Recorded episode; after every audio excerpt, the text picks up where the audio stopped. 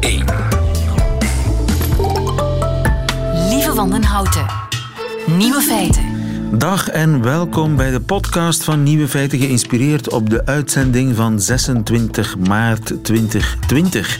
In het nieuws vandaag dat Engeland de lijst met essentiële handelszaken op dag 3 van de lockdown al heeft uitgebreid.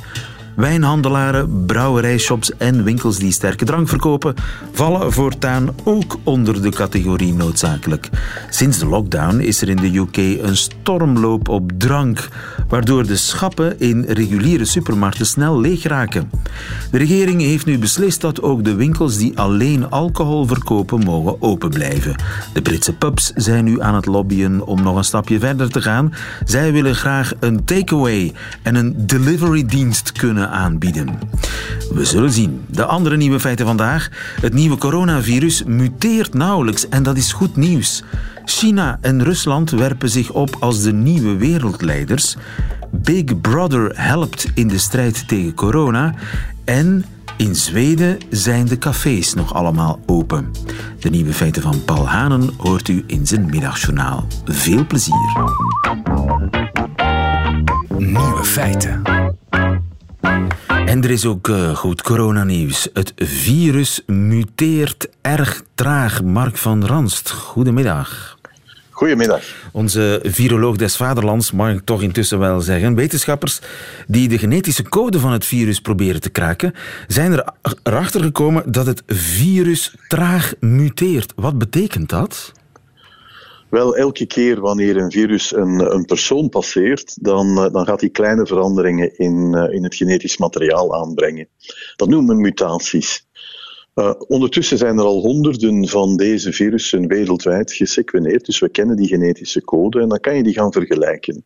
En dan zien we dat op die paar maanden dat we dat virus nu toch al kennen, dat die veranderingen zeer beperkt zijn. Ja, en dat is um, bijzonder, want bij andere, virussen, ja. bij andere virussen is dat anders. Het AIDS-virus herinner ik mij, dat was in Afrika een andere variant dan uh, in Europa of in Amerika.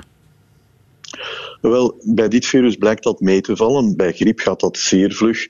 Griep heeft ook een genetisch materiaal wat in verschillende stukjes is ondergebracht, zodanig dat die verschillende stukjes dan nog eens met andere griepvirussen kunnen recombineren, heet men dat. Dus gewoon stukjes uitwisselen. Dat heb je bij die coronavirussen niet. Daar is dat mooi in één stuk. En wanneer die mutatiesnelheid, die snelheid waarmee die veranderingen optreden, dan, wanneer die klein is, dan is dat goed nieuws voor bijvoorbeeld een vaccin. Aha. Dat betekent dat wanneer je een vaccin maakt, dat dat uh, ja, dat dat volgend jaar nog gaat werken en waarschijnlijk het jaar daarna nog. Dat betekent ook dat wanneer je antilichamen daartegen maakt, dat die, die antilichamen die gaan nog goed zijn wanneer je dat virus terug tegenkomt volgend jaar. Dus dat is een beetje hoopvol. Aha, maar aan dus... de andere kant, om het, uh, om het optimisme iets te dempen, ja. we kennen dit nog maar twee maanden ja, we moeten kijken van wat zijn de veranderingen, veranderingen die zich opstapelen over de, over de loop van een jaar. Ja. Um, dan zal dat waarschijnlijk wel wat meer zijn. Dat hangt er ook vanaf van hoeveel mensen dat krijgen. Wanneer meer mensen de gelegenheid hebben om uh, met dat virus aan de slag te gaan, dan krijg je ook wel wat meer diversiteit, wat meer van Ja. die kleine veranderingen.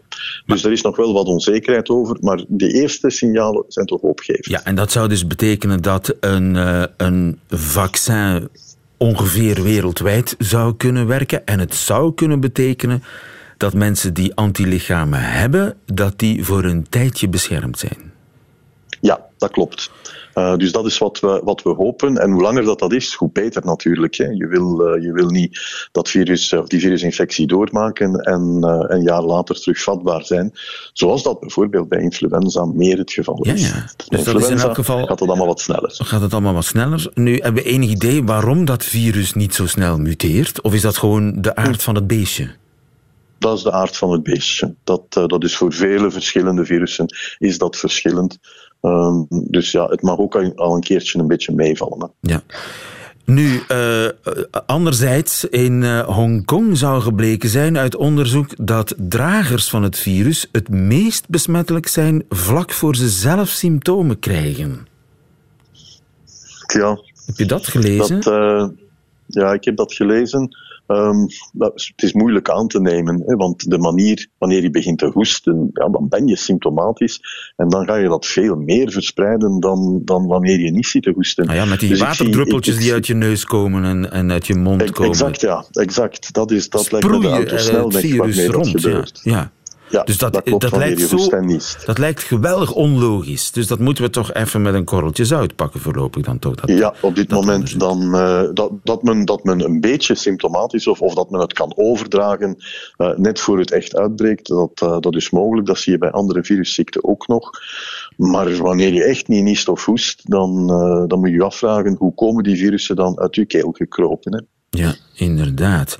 Uh, nu, die nieuwe cijfers uh, die uh, een uurtje geleden zijn binnengelopen, ja, hoe, hoe moeten we dat interpreteren? 1200, bijna 1300 nieuwe bevestigde besmettingen, dat is veel, hè? Ja, maar dat, dat hangt ook af van hoeveel men test. Um, en de, de graad van de positiviteitsgraad, die wordt ook hoger en hoger wanneer men dieper in de epidemie gaat. Dus dat op zich zijn dingen die je totaal verwacht. Hoe bedoel je dat laatste? Dat heb ik niet begrepen. Wel, wanneer een epidemie naar een piek toe werkt, dan worden, worden een hoger percentage van de stalen die je test, worden die positief. Wanneer je twee weken geleden 100 stalen testte, dan gingen er van die 100 stalen 15 positief zijn. Wel, nu zitten we toch al op een punt dat van die 100 stalen die je binnenkrijgt, er 35 positief zijn. Uh, op de piek van de epidemie bij influenza gaat ongeveer een 80% ja. uh, positief zijn. Er komt gewoon meer en meer ziekte. Er komen meer en meer positieve tests, maar in principe mogen we ervan uitgaan dat dat mensen zijn die besmet zijn voor de draconische maatregelen die gebeurd zijn. Ervoor of net daarna, dat, uh, dat, dat is of op een lockdown een beetje koffie te kijken. Wel, dat, dat zijn van die dingen waar we, wel, waar we over nadenken, waar je niet graag over nadenkt, omdat je daar niet vrolijk van wordt. Um, ik hoop dat voortaan iedereen zijn verstand een beetje gebruikt. Um, zodanig dat dat niet meer gebeurt. Ja, uh, intussen is het eigenlijk wachten op dat virus, dat dus eigenlijk effectiever kan zijn dan in veel andere gevallen, omdat uh, het, het, vaccin bedoel ik. Uh, wachten op een vaccin omdat het virus standvastiger is. Uh, de eerste tests die lopen, de eerste trials die lopen, normaal gezien duurt dat allemaal heel lang, maar zou het niet kunnen dat als je daar een... De hele wereld zit erop te wachten. Dat als daar, als daar een echte enorme inspanning voor gedaan wordt, dat dat toch ietsje sneller kan komen, dat vaccin? Nee. Uh, wel, iedereen doet al heel erg zijn best. En de, de prognoses om tot een vaccin te komen, dat zijn de optimistische prognoses. Die zeggen van binnen een jaar, binnen 16 maanden hebben we een, uh, hebben een vaccin. Dat is al wanneer iedereen zijn best doet, wanneer alles ongelooflijk meevalt, wanneer de administratie tot een minimum wordt beperkt, uh, maar zonder compromissen te maken naar veiligheid toe. Ja. Dat, uh, dat is iets waar je 100% zeker van wil zijn. Ja, je kunt absoluut geen compromissen, uh, compromissen sluiten over uh, volksgezondheid. Dus een jaar moeten we sowieso nog wachten op dat vaccin. Dat is zelfs het optimistische Wel, scenario. Dat, dat, dat, is het meest optimistische scenario. En dat betekent dat er dan nog vliegensvlug fabrieken moeten gebouwd worden die, die, die dingen gaan, gaan aangemaakt, die, die dingen, die vaccins gaan produceren. En pas op, die vaccins die gaan al geproduceerd worden vooraleer uh, die, die, de, de trials gaan afgelopen zijn. Vooraleer de veiligheidsbewijzen er zijn, gaan die toch al geproduceerd worden met de kans dat wanneer die toch afgekeurd worden, dat gans die investering voor, uh, voor niks was geweest. Dus er wordt al alles op alles gezet en uh, ook dat is toch wel een geruststelling. Mark van Rans, dankjewel andermaal. Goedemiddag en tot de volgende. Nieuwe feiten. feiten. En intussen rijden Russische legervoertuigen dwars door Italië naar de coronabrandhaarden in Lombardije in het noorden. Het blijft een vreemd beeld, terwijl ook China volop hulp stuurt naar Italië. Jonathan Holslag, goedemiddag. Goedemiddag. U bent docent internationale politiek aan de VUB in Brussel. Dat zegt allemaal iets over de nieuwe post-corona internationale verhoudingen, hè? Heel veel en het zegt vooral heel veel over de zwakte in de westerse wereld, vooral dan ook in, in Europa. de zwakte van overheden om om te gaan met een gezondheidscrisis zoals deze, maar ook de verzwakking van, van het hele overheidsapparaat in een aantal landen. Hè. We hebben het vooral sinds de crisis van de eurozone eigenlijk tiental, een tiental jaar lang nagelaten om te investeren in goede gezondheidszorg, in performante veiligheidssystemen. Uh, en daar betalen we nu een prijs voor. En de landen die daarop inspelen zijn onder andere China en Rusland, ja, zeker. Ja, en dat zijn uh, niet toevallig landen met een hele sterke publieke eh, sector. Uh, nu, ja, de Europese solidariteit, dat hoor je links en rechts, die stelt niks voor. Ja, eerst en vooral, alle landen hebben natuurlijk hun, hun handen vol met hun eigen patiënten. Plus, er waren toch ook Duitse ziekenhuizen die patiënten uit Italië hebben ontvangen. Dus zo erg is het nu ook weer niet gesteld met die Europese solidariteit. Ik denk toch dat er een heel groot probleem nog altijd is op het gebied van Europese coördinatie. Hè. Ehm, zeker ook omdat we nu toch al lange tijd uh, een aantal signalen uit de wereld kregen dat uh, pandemieën toch wel waarschijnlijker zouden worden. Hè. Al in 2003 na de SARS-epidemie, we hebben dan ook uh, ebola gehad in, in Afrika. Maar dat we die signalen eigenlijk heel weinig te baat hebben genomen om op Europees niveau te gaan werken aan effectieve ja. rampen, rampen. In Europa is er altijd een crisis nodig hè, voor je ja, ja, maar goed, dan zelfs als er een, een, crisis plaatsgrijpt, is er nog maar de vraag of we daar onze lessen uittrekken. Hè. Ik verwees net al naar de crisis van de eurozone. Dat is ook weer zo'n deining geweest waar we denk ik onvoldoende uit, uh, uit geleerd hebben. Dus dat maakt me toch wel wat, uh, wat bezorgd. Uh, er is inderdaad nu stilaan iets meer Europese solidariteit. Hè. Frankrijk, Duitsland sturen bijvoorbeeld mondmaskertjes naar, naar landen als Italië, eindelijk zou ik zeggen. Ja. maar het toont toch vooral dat als het moeilijk gaat, landen ehm, als ehm, neiging hebben om, om toch in eerste instantie die nationale belangen te gaan zien. En dat is een normale houding, ja. Eh, denk ik, in de internationale Ook opvallend, Amerika komt er niet meer aan te passen, hè? Uncle nee, Sam, sterke Uncle Sam, die ingrijpt als het moeilijk gaat, die eh, brandjes blust wereldwijd, die komt helpen, te hulp schiet, zoals na de oorlog bij ons. Dat is volledig gedaan, hè? dat is voorbij. Ja, Amerika gaat nu echt met de billen bloot en het is zeer tekenend dat uh, de, uh, het Amerikaanse leger nu een hospitaalschip naar uh, New York moet sturen omdat er in New York zelf onvoldoende bedden zijn. wat een hele tere plek van Amerika blootlegt die al lange tijd zichtbaar was, zijnde wederom een totaal gebrek aan investeringen in, in publieke zorg bijvoorbeeld. het feit dat Trump een aantal maatregelen van de Obama-administratie ook heeft teruggeschroefd om epidemieën beter aan te pakken en ook eh, zoveel mogelijk te, te voorkomen. Dus je hebt eigenlijk aan de ene kant Amerika dat sterk lijkt hè, met zijn onderzeeboten en vliegdekschepen, maar uh, Amerika dat binnenin toch ook bijzonder zwak is. En dat begint de hele wereld nu, nu te zien. Ja, het, het, nieuwe sterke land is China, dat zijn hand er niet voor omdraait om hulp te sturen naar Italië. Mm -hmm. Goh, kijk, Zit daar een, ehm, een politieke agenda achter? Zullen zij later dan geopolitiek daarop op kapitaliseren? Maar dat is zeker de bedoeling. Uh, en dat hebben we ook de voorbije decennia al een aantal keren gezien. Het begon eigenlijk al laat jaren negentig, toen er bijvoorbeeld financiële rampspoed was in Azië. Dan zijn ze ook naar voren gestapt als eigenlijk de, de financiële redder. Hè. Toen al liet Amerika het een beetje af, uh, afweten.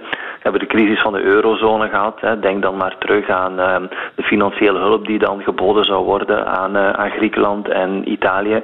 En dan nu corona. Dus dat gaat al een tijd in crescendo. Maar bij China moet je altijd heel goed uh, de vraag uh, stellen of de vlag de lading dekt. Hè. Die coronahulp in financiële waarde is uiterst beperkt. Dat gaat in het beste geval om een aantal miljoenen.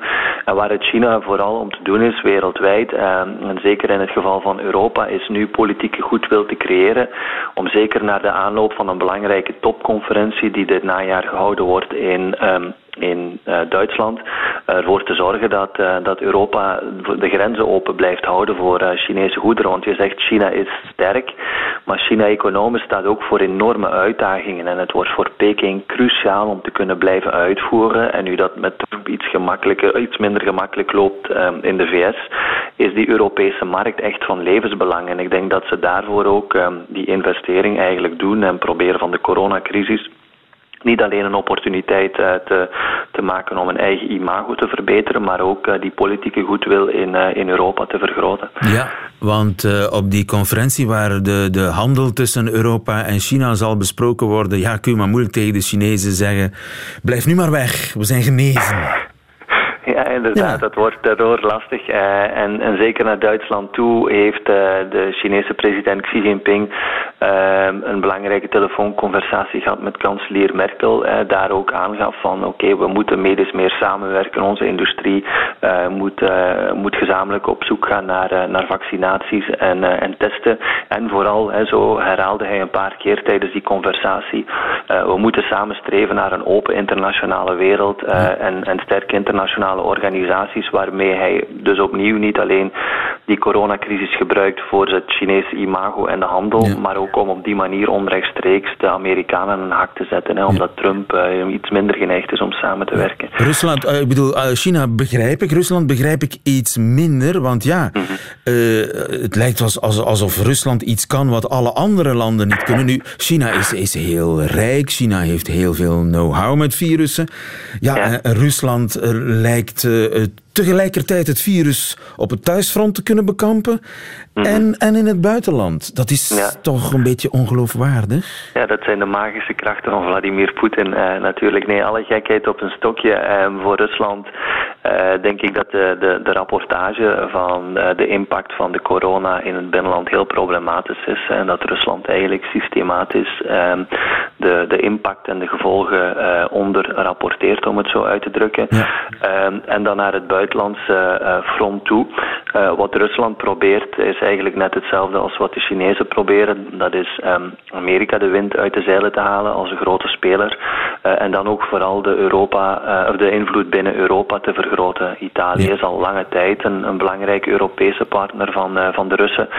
En in dat opzicht is, is het dan ook niet helemaal uh, verrassend. Maar wat je dus eigenlijk ziet is dat ja, de hele westerse wereld een beetje uh, op apengapen ligt en dat, dat alle actoren rondom daar nu proberen garen ja. bij te spinnen.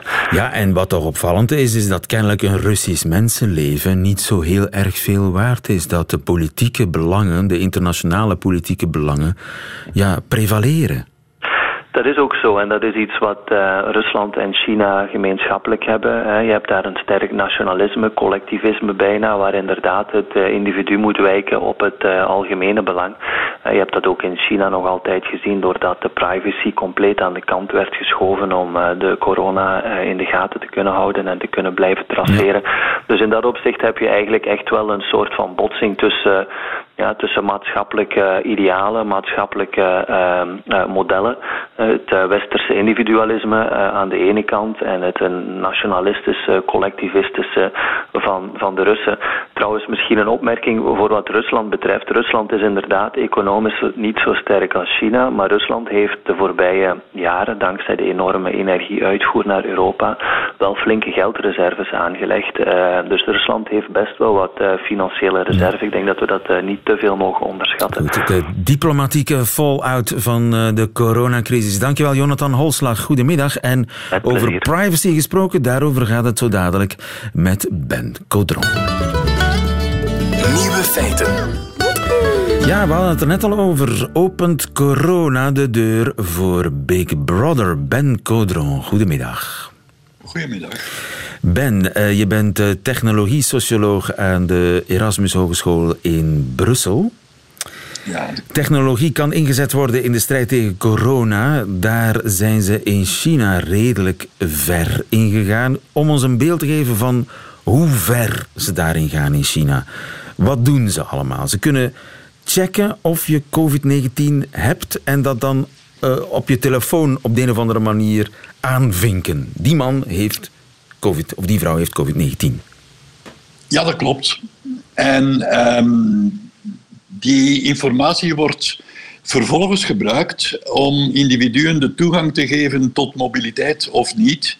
Um, wat je hier ziet is een um, zeer specifieke toepassing van een systeem wat in China al langer wordt uitgebouwd, wat we kennen als het social credit systeem.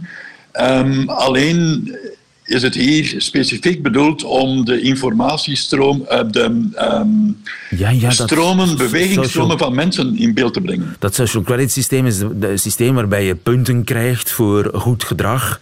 En daar hangen dan allerlei faciliteiten aan vast. Ja, mag je eens op reis of dan kan je, krijg je mogelijkheden om, om dingen te kopen. Dus de modelburger wordt beloond. En datzelfde systeem wordt nu toegepast om een epidemie in te dijken. ze checken of je de ziekte hebt. Ze, checken, ze gaan vervolgens je een kleurcode toewijzen eh, in hoeverre je, je gevaarlijk bent of minder gevaarlijk. En bij code rood moet je thuis blijven. En hetzelfde systeem kan ook dienen om te checken of je je er wel aan houdt. Want dat systeem ziet gewoon, ah, meneer Wang of meneer Lang, die is zijn huis aan het verlaten. Alarm. Daar sturen we de politie op af. Precies, en het systeem zorgt er ook voor dat als je niet over de juiste kleurcode beschikt, ja, dan kan je, eh, krijg je helemaal geen toegang tot de metro bijvoorbeeld. Ja. Ehm, dus het wordt op heel veel verschillende manieren gebruikt. Ja, ja dus het schuifje, het, het poortje gaat gewoon niet open, want je mist een, een, een kleur, op, je hebt het verkeerde kleur op je, op je smartphone. Juist. Nu, dat is, lijkt mij een droom voor de mensen die een epidemie moeten indijken. Want ja, je hebt de hele bevolking in kaart. En je kunt individueel aanklikken wie eh, besmet is, wie besmettingsgevaar loopt, wie eventueel besmet is enzovoort. En je kunt de hele ja, mobiliteit organiseren. Dat is een prima manier om te strijden tegen corona. Uh, ik kan dat allerminst tegenspreken. En het maakt een um, standaard argument uit het privacy-debat op dit moment een beetje moeilijker. Um, dat argument gaat over uh, de afweging um, vrijheid versus veiligheid. En, en dit gaat over vrijheid ik... versus leven en dood. Dit gaat over leven en dit gaat over mensenlevens. Wel, dat kan je op dit moment zo stellen. Op dit moment is het onmiskenbaar zo dat uh, het gebruik van bepaalde technologie um, leidt tot minder besmetting en dus uh, tot minder doden. Ja. Nu, dat is China. Daar zijn ze qua Big Brother wel een en ander gewend. Uh, wij zijn nu in Europa het epicentrum van de pandemie. gaan wij die kant ook op? En kunnen we dat? Wij zijn eigenlijk? al een wij zijn al een tijdje die kant op. En dat is een van de uh, heel weinige voordelen uh, van deze crisis. Een aantal dingen die uh, al een tijdje um, uitgeprobeerd worden, die worden nu zeer zichtbaar. Um, wij zijn al een tijd bezig met technologie waarbij samengewerkt wordt, bijvoorbeeld met um, de telecomoperatoren, ja. om grote stromen van mensen te monitoren. Alleen wordt daar in normale omstandigheden liefst niet al te veel over gecommuniceerd, omdat dat toch wel een beetje te hard vloekt met het gevoel van vrijheid wat wij allemaal zo koesteren. Juist, en dat gaat over anoniem gebruik. Hè? Dus dat is eigenlijk om te checken of er veel volk rondloopt. Dat gaat niet over individuen, dat gaat over massa's. Ja, in principe wel. Dus nu zou je, kunnen, zou je kunnen zien hoeveel beweging is er in België. Dat zou je makkelijk kunnen zien. Wel. Maar dan gaat het niet over individuele mensen die al dan niet thuis blijven, die al dan niet de metro op willen. Zou dat in theorie ook bij ons kunnen zonder dat allerlei wetten moeten gewijzigd worden? Wel, dat laatste, daar ben ik niet van op de hoogte. Uh, ik vermoed dat dat in de Belgische wetgeving niet voorzien is dat dat zo meteen kan. Uh, maar ik weet wel dat het technologisch, indien nodig, uh, wel degelijk kan dat die geanonimiseerde data vervangen worden door heel concrete persoonsgebonden gegevens. Om te checken bijvoorbeeld wie in verplichte quarantaine zit, ja, dan heb je niet veel aan geanonimiseerde data. Dan moet je weten over wie het gaat en of die de uh, opgelegde maatregelen volgt. Ja. Dus dat zou technisch vrij makkelijk te regelen kunnen zijn. Dat we dat, het Chinese systeem bij wijze van dat we Chinese Big Brother binnenhalen. Daar is niet zo heel veel moeite uh, voor nodig. Um, dezelfde moeite, of bijna dezelfde moeite die we nu moeten nemen om die data te anonimiseren. Want in principe komt die data persoonsgebonden binnen. Het kost extra moeite om die anoniem te maken. Juist. En heb je enig idee hoe dat in andere Europese landen gaat? Dat ze daar al verder in staan dan eh, in België? Wel, ik weet dat er nu net uh, vanuit Europa geprobeerd wordt om een min of meer homogeen uh, systeem in te voeren waarbij samengewerkt wordt met de telcos. Ik weet dat in Nederland uh, gezegd wordt dat die samenwerking met de telco's, um, dat daar nog niet echt zo heel veel sprake van is. Laat met telco's daar, bedoelt u uh, telecombedrijven, hè, neem ik aan? Ja, dat klopt. Ja, ja. Um, laat, mij dat, um, laat mij daar vraagtekens bij zetten. Ik denk dat het wel degelijk gebruikt wordt. Alleen dat er uh, met meer schroom dan in België over gecommuniceerd wordt. Ja. Um, Polen heeft um, een systeem waarbij mensen die in quarantaine moeten de vrije keuze hebben om een app te installeren. En die app roept hen op om um, gegevens door te sturen, een selfie te maken. Die selfie die wordt dan vervolgens uh, met behulp van gelaatsherkenningstechnologie um, gecheckt. Dus, uh, en gecheckt en of het wel degelijk... Je moet die selfie ja. in een bepaalde omgeving maken en dan bewijs je dat je bent waar je bent. Precies. Dat op allemaal... dit moment is dat nog op basis van vrijwilligheid. Ja. Um, als je het niet doet, dan komt de politie langs. Ja. Het is natuurlijk uh, zeer verleidelijk om dat allemaal in uh, snel tempo in te voeren. Uh, om de strijd tegen corona te winnen. Maar ja, de vraag is natuurlijk of het achteraf even makkelijk weer terugschroeven. Wel, ik heb op dit moment twee bekommernissen. Mijn belangrijkste bekommernis op dit moment gaat uit naar alle andere levende wezens, al mijn vrienden, collega's, familieleden, waarvan ik hoop dat die gezond blijven. Dat is mijn hoofdbekommernis op dit moment. Maar een andere belangrijke bekommernis gaat over um, het feit dat dit virus en de acute crisis die het virus heeft veroorzaakt, die gaat voorbij. Uh, wat ik uh, helemaal niet weet, is of de uh, surveillance-infrastructuur die we nu gebruiken om die crisis te managen, of die wel voorbij gaat. Ja, daar zal een, een, scherpe democratische controle voor nodig zijn. En laten we hopen dat die dan toch in minste overeind blijft. Of makkelijk rechtop zal staan na de oorlog, als ik die term mag gebruiken. Er zijn uh, signalen die erop wijzen dat we wat dat betreft niet al te optimistisch mogen zijn. Waakzaamheid Omdat het is de boodschap. Inzicht, eh, waakzaamheid is de boodschap, absoluut. En laten we um, vooral uh, onze overheid ter verantwoording roepen als uh, blijkt dat deze technologie wordt ingezet om redenen die niet uh, bedoeld zijn om levens te redden. Ben Caudron, technologie-socioloog aan de Erasmus Hogeschool in Brussel. Dankjewel. Goedemiddag. Graag gedaan. Radio 1. Nieuwe feiten. En terwijl haast heel Europa op slot zit, blijft Zweden open. Goedemiddag, Annegrietje Fransen. Goedemiddag. Je bent de correspondent voor Trouw, de Nederlandse krant in uh, Göteborg. Göteborg. Uh, zijn de winkels open daar? De winkels zijn hier open, de cafés zijn hier open, de restaurants zijn open, de sportschool is open, de scholen zijn open. De kapper is open, de, de theaters zijn open, voetbal gaat door? Ja, vrijwel, vrijwel alles gaat hier door. Concerten ook? Uh, concerten tot 500 mensen mogen ook doorgaan, ja. Dat klinkt heel exotisch in onze oren. Wij zitten al bijna twee weken in een soort van uh, lockdown. Eh, ik las wel overigens dat bepaalde musea toch vanzelf, ik bedoel op eigen initiatief, dichtgaan. Dat klopt, ja. Een museum als het ABBA Museum heeft inderdaad zelf besloten om toch dicht te gaan. Uh, vaak heeft dat te maken met personeel dat ziek is. Of inderdaad omdat er bijna geen toeristen meer zijn, bijna geen bezoekers meer komen. Dus ja, die besluiten dan toch zelf dicht te gaan, maar dat is niet uh, vanuit de overheid ingegeven. Ja, maar is, is er dan geen coronaprobleem in Zweden? Nou, toch wel. We hebben een stuk of 2500 bevestigde gevallen en uh, sinds gisteravond 60 doden. Dus dat dodenaantal is verdubbeld um, binnen, twee, binnen 24 uur.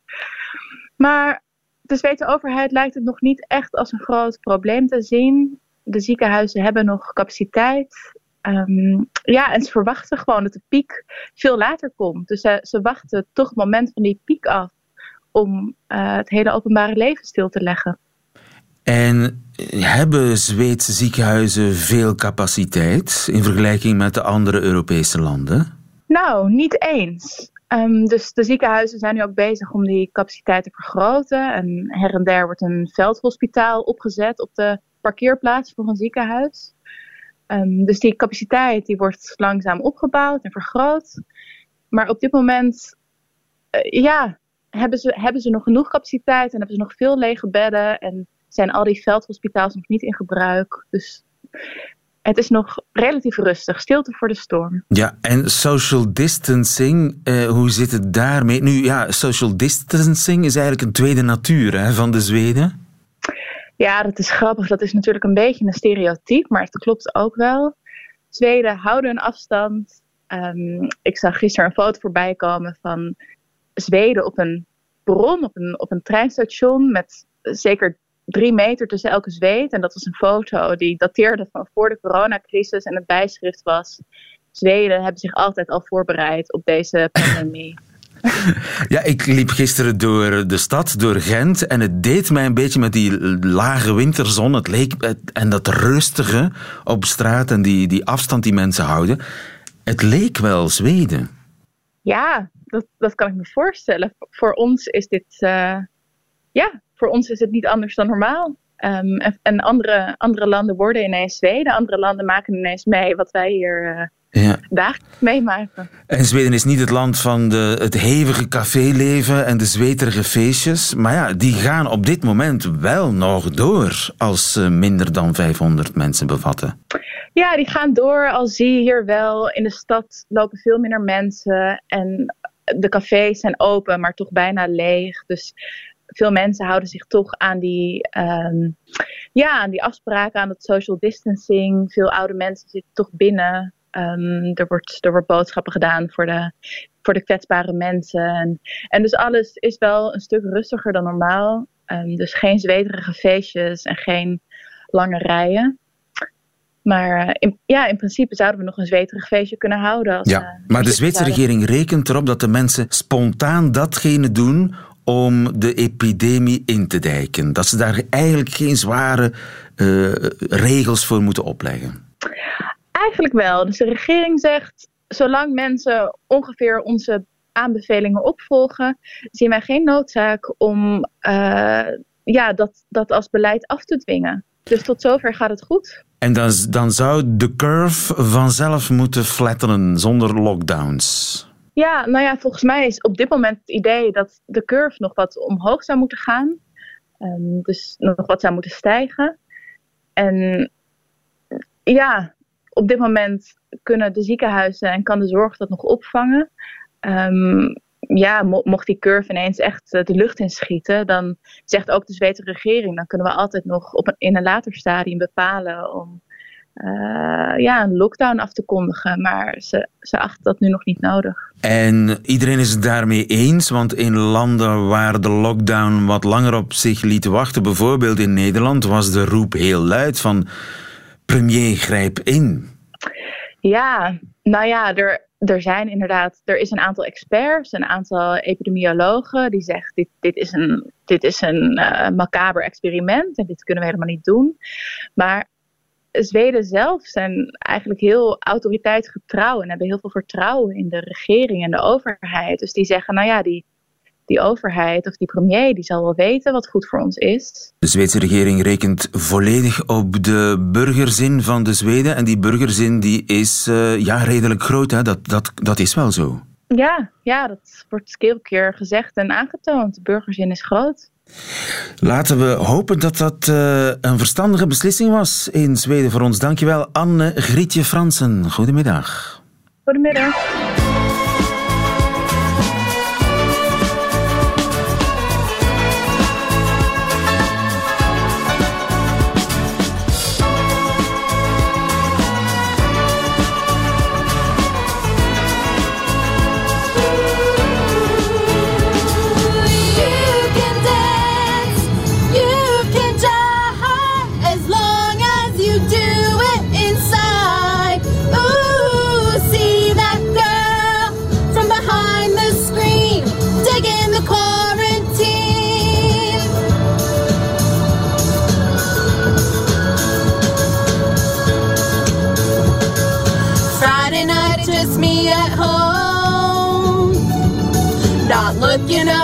Place to go.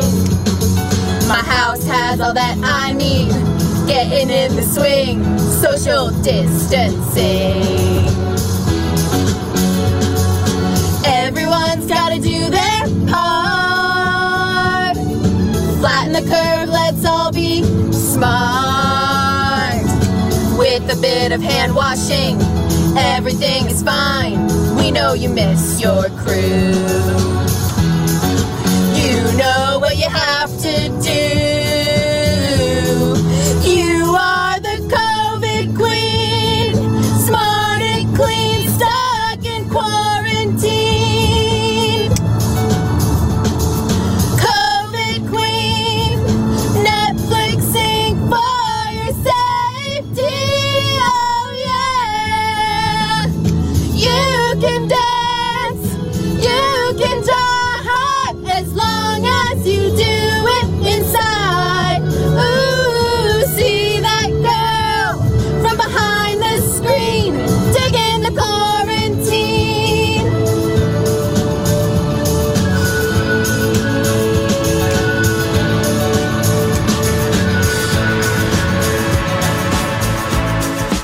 En vooral diggen de quarantine. Twee meisjes in een auto. Tijd voor Paul Hanen nu in het middagjournaal. Nieuwe feiten. Middagjournaal. Dag dames en heren, luisteraars. Gisteren had ik voor onze eigen internet-tv-zender een prachtig gesprek met Brigitte Kaandorp, een Nederlandse cabaretière die ook in Vlaanderen bekend is. We zenden elke dag uit via internet en ik vind het leuk om FaceTime-gesprekken te voeren. En dat is ook heel troostvol. Maar na het gesprek ging de zender op zwart, omdat de verbinding met de kabelmaatschappij eh, verbroken werd. We hadden speciaal voor onze internetzender een internetsnelheid van 500 MB genomen. En ja, en dan wil je ook dat die, dat die verbinding het doet. Maar het, het kwam niet terug, ook niet na een paar uur. Dus toen heb ik gebeld met de regionale televisiezender TV Noord-Holland, Radio TV Noord-Holland. Eh, die is voor de hele eh, Noord-Hollandse streek.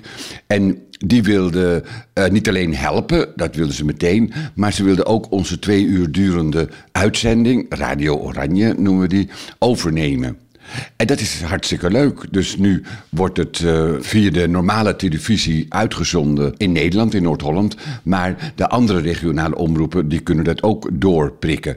En ik dacht, eh, misschien moet het ook doorgeprikt worden naar de VRT elke dag in Nederland en Vlaanderen Troost TV.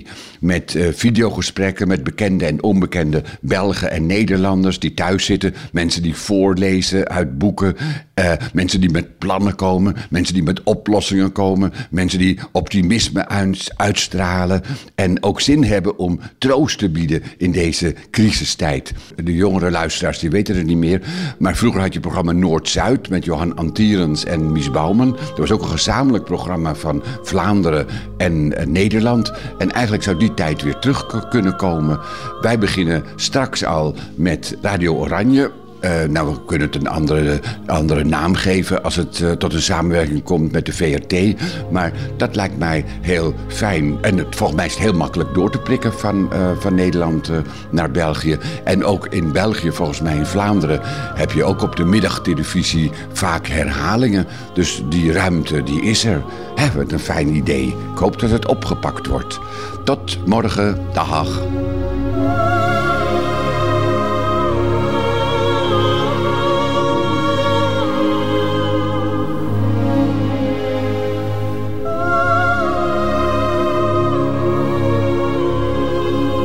Cabaretier Paul Hanen vanuit Amsterdam in zijn middagjournaal. Einde van deze podcast. U hoort liever misschien de volledige uitzending met de muziek erbij. Dat kan natuurlijk ook via onze app of via onze site. Daar vindt u overigens nog veel meer goede podcasts. Tot een volgende keer.